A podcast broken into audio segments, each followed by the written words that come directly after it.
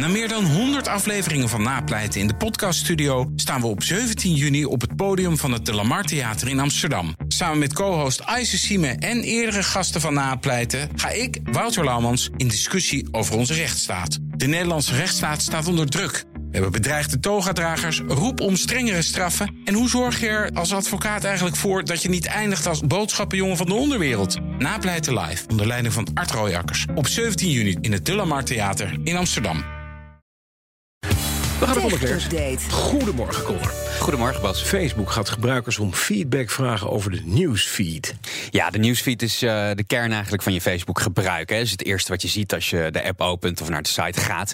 En Reuters schrijft vanmorgen dat eh, Facebook nu wereldwijd tests gaat uitvoeren om eigenlijk specifieke feedback te vragen van gebruikers over wat ze te zien krijgen en of ze daar blij mee zijn. Uh, Facebook gaat ook kijken naar posts die veel boze comments uh, oproepen. En ze gaan ook vragen naar welke content mensen nou juist niet willen zien. Voor mij persoonlijk een paar jaar te laat. Ik heb hem op een gegeven moment ge, uh, verwijderd. Delete, ja? gewoon, gewoon gek werd dat ik de hele tijd dezelfde dingen voorgeschoteld kreeg.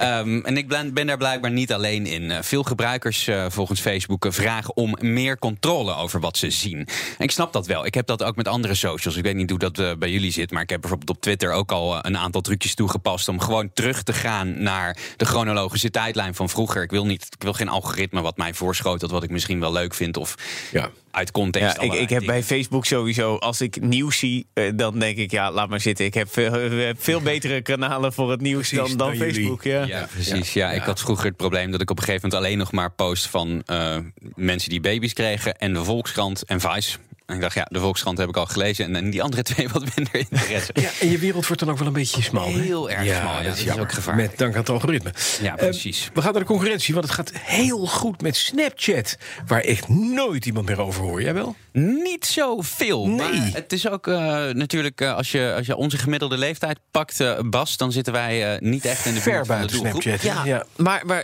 het is, TikTok is toch weer eh, het, het nieuwe leuke voor jongeren. En Snapchat was het leuke voor jongeren, maar blijkbaar nog steeds. Nou ja, het, is, natu- het een sluit natuurlijk het andere niet uit. Het zijn wel concurrenten uh, voor de aandacht. Maar ja, ik heb ook meer dan één app op mijn telefoon staan.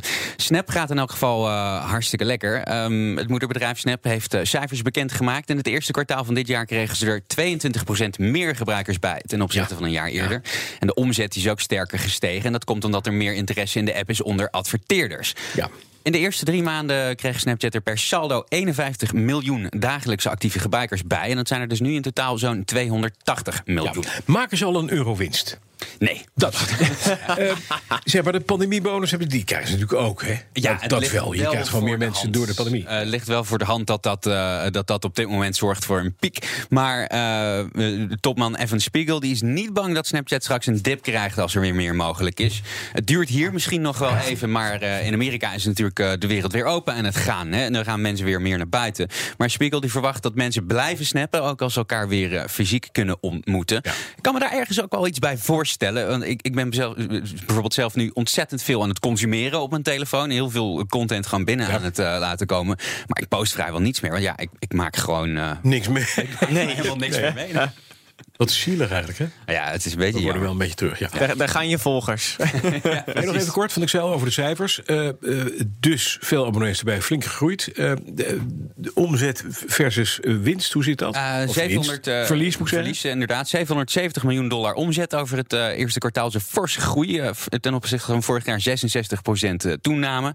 Ze hebben wel heel erg veel geïnvesteerd. En dat drukt dus ook eh, ehm, eh, eh, de winst. En maakt het verlies van. Ze staan eh, 286 miljoen in het rood. Over het afgelopen kwartaal. Nou ja, maar dit is wel een enorme goede kans om in te blijven. Nou ja, maar als je, nou, maar als je, als je bedenkt, eh, Ja. wat wel zo is, zij zetten natuurlijk ook steeds meer in, dat zie ik dan wel op Snap, op, van, ehm, eh, op meer original content. Dus, dus series aangekocht door mensen. Dus het gaat niet zozeer om dat, dat ik jou een foto stuur, maar meer dat jij op die videoserietjes blijft eh, klikken en er lang op blijft met tussen elke twee eh, kliks eh, weer reclame. Verschrikkelijk irritant. Eh, maar in ieder geval, Netflix die heeft natuurlijk ook heel veel eerst in original content geïnvesteerd natuurlijk. Ja. Hè? We gaan even naar iets anders. Een geinig concept van Samsung. Want die raken niet uitgevouwen met smartphones. We hebben nu weer. Nou ja, het wordt straks gewoon een heel origami-ding. Ja, mooi is dit. Hè? Ja, dus op een gegeven moment heb je gewoon een 48-inch flatscreen die je helemaal terug kan vouwen. De binnenkant van die zak. Ja.